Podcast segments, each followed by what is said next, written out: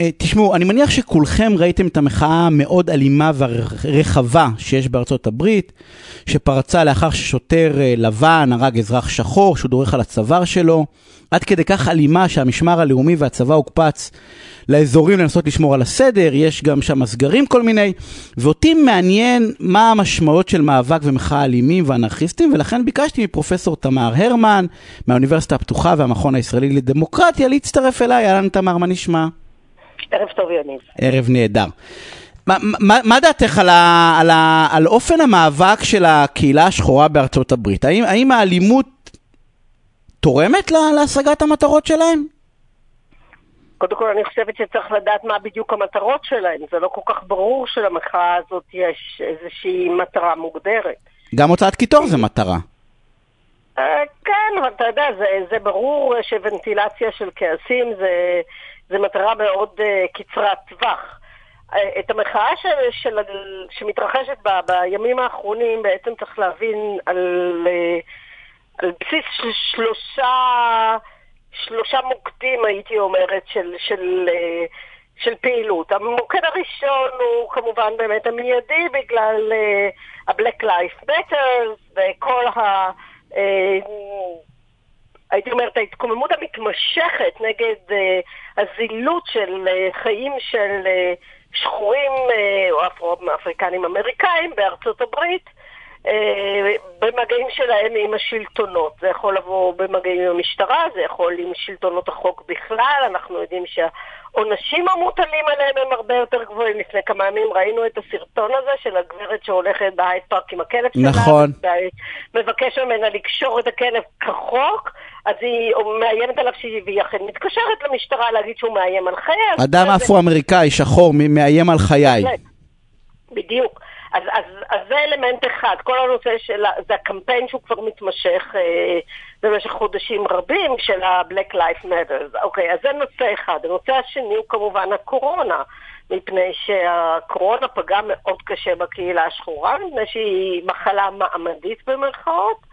והיא פוגעת בעיקר באנשים עם הכנסות נמוכות, בין אם אה, הם פוטרו ממקומות העבודה שלהם, בין אם צפיפות המגורים יותר גדולה, בין אם הזמינות אה, של שירותי בריאות היא הרבה יותר קטנה, במיוחד בארצות הברית, שאין לנו את הביטוח, אין שם את הביטוח הרפואי. זאת אומרת, הקורונה ללא ספק היא... אה, איזשהו דובדבן על הקצפת של הזעם הזה שנוצר. של הקהילה השחורה. של הקהילה השחורה, ואין לשכוח את הבחירות המתקרבות, וכאן יש באמת אה, אלמנט חזק של מאבק אה, בין החוגים הדמוקרטיים לחוגים הרפובליקניים. זאת אומרת, אין ספק שיש בזה אלמנט פוליטי שהוא לא קשור ישירות לשאלה של האם החיים ה... אה, של, של קבוצת האוכלוסייה הזאת, אם הם יותר זולים בהכרח. זאת אומרת, זה חלק מאותו מאבק בניסיון לעשות דה-לגיטימציה לממשל הנוכחי.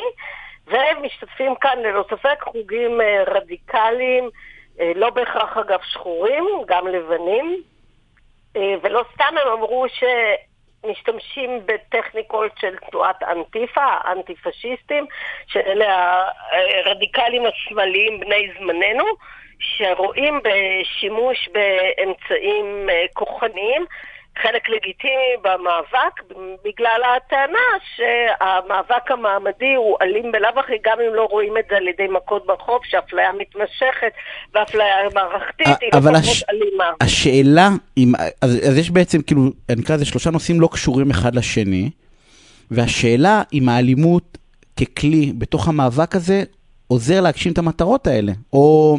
את יודעת, בתוך הסיטואציה, כי אני בתחושה שזה גל נוסף של אלימות uh, של הקהילה השחורה. ראינו גם בלוס אנג'לס לפני שנה או שנתיים או שלוש, אני לא זוכר בדיוק. נכון. היה גל אלימות גם כן אה, נוסף. האלימות הזאת עוזרת לעורר את ה...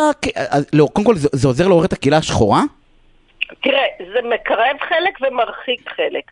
אותם אנשים בקהילה השחורה שנמצאים היום במעמד הבינוני, והם, ועבורם הסדר הציבורי הוא אה, סימן חיובי, כי הם טיפסו במדרגות האלה, מבחינתם הזיהוי של אה, אפרו-אמריקאים עם אלימות הוא גרוע מאוד והם דוחו, דוחים אותו בשאט נפש. זאת אומרת, את החלקים האלה הם לא יגייסו על ידי השימוש. למרות שגם החלקים האלה, ראיתי את עמרי אייסנהיים לדעתי, כותב איזשהו משהו בטוויטר, והוא סיפר ש, ש, שיש איזה כתב שחור מאוד אה, ידוע בדיטרויט, והוא בא ואומר, גם אותו כתב פחד לצאת עם בקבוק שתייה באוטו, כי הוא אמר, למרות שאני ידוע ועדיין מתייחסים, מתייחסים אליי אחרת. זה סוג של לטמון את הראש בחול, כאילו זה לא באמת, אני לא רוצה... אין ספק שמתייחסים אחרת על בסיס צבע עור, אבל האם בגלל זה הוא יתמוך באלימות? לא בטוח בכלל, מבחינתו זה מכתים אותו כפוטנציאל למשתמש באלימות, ולכן הוא לא בהכרח יתמוך באחיו. שחורי העור שהשתמשו באלימות הזאת. עכשיו, האלימות הזאת היא לא רק של שחורים, הביזה היא בעיקר של שחורים, וכאן זה כבר צובע את כל המחאה בצבע אחר, כי יש הבדל בין אלימות שהיא נגיד מופנית לשוטרים, לבין אלימות שהיא מופנית אה, לרכוש, ובארצות הברית רכוש הוא מקודש. אני רוצה להזכיר לך שגם בארץ, במחאה של 2012, לא של 11, של 12, מה שצילמו זה היו זגוגיות שבורות של סניפי בנקים. וזה היה הקטע שהרבה מאוד משכו את התמיכה שלהם במחאה. מפני שאלימות, כשהיא יוצאת מהבקבוק, כל אחד חושש שזה יפגע. בו, ברכוש באופן שלו. אישי, ולא כאילו ברש... ולא ברשויות, ולא במשטר. נכון, כאילו, תתקוף נכון. את השוטרים, תתקוף את הצבא, תתקוף ווטאבר, אבל אל תתקוף... אבל אל תתקוף אה, אה, את הדבר הזה.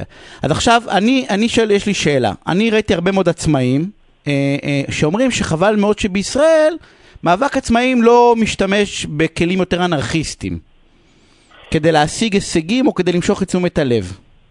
אני, אני רוצה לעשות כאן תיקון מינוח. מה זה אנרכיסטים? יש שימוש באלימות ויש אנרכיזם. אנרכיזם זה אידיאולוגיה פוליטית שאומרת שלא צריך את המדינה, שהחברה תסתדר מצוין גם בלי הממסדים הללו.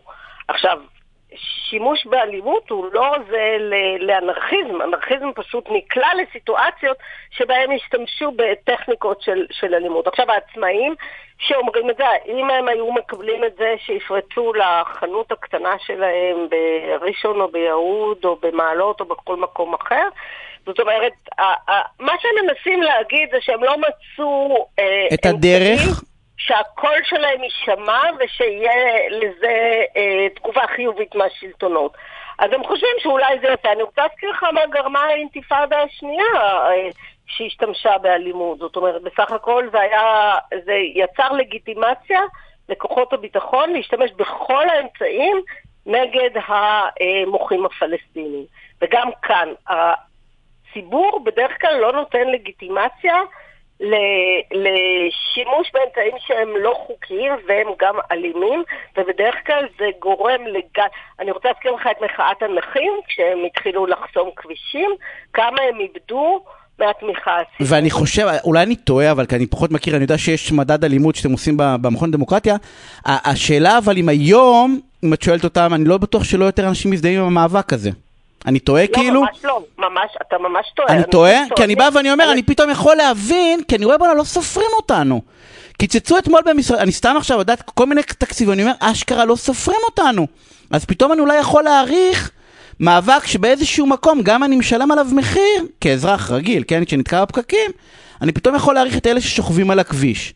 אבל אתה כאזרח רגיל הוא אחד שלא סופרים אותו גם כן, אז אם תצטרך להוציא את הילד שלך מעון, מהמעון ואתה תיתקע שלוש שעות בדרך ולא יהיה לך מי שיוציא אותו, אז אני מתקשה לראות איך אתה תצליח להתגבר על האינטרס ה... רוצה אפילו האנוכי שלך ולתמוך. אגב, גם בתוך הנכים עצמם היו ויכוחים מאוד מאוד חזקים בשאלה הזאת, והמיינסטרים של אה, מוחי הנכים לא קיבל את השימוש הזה באופן תכוף. גם אתה יכול לעשות פעם אחת, משהו סימבולי, ואז אנשים עוד יקבלו את זה. אבל כשזה פוגע ברוטינה היומיומית של אנשים שהם בעצמם מרגישים שהם קטנים מאוד מול המערכת, אז זה כאילו אתה מכה על המסמר הלא נכון בהקשר הזה. זה היה שונה אם היו מנסים לפרוץ לבנייני ממשל. עוד פעם, כן? השאלה, את, אומרת תמיד זה המיקוד, אם אנחנו מתמקדים בממשל או מתמקדים באזרחים הרגילים? לגמרי, לגמרי. כמובן שגם פגיעה בממשל יש איזו נקודה מסוימת. אם אתה תתחיל לראות בשוטרים בלי הבחנה, אז ברור לגמרי ש... השוטרים יעברו למקום אחר. לגמרי. כן? פרופסור מן, אנחנו חייבים לסיים. אה, והאמת שיש לנו עוד המון לדבר, כי רציתי לדבר איתך על מאבק כן אלימות, לא אלימות, אבל אנחנו כנראה נעשה איזושהי אה, שיחת המשך בנושאים האלה, אז אני רוצה להודות לך על הזמן.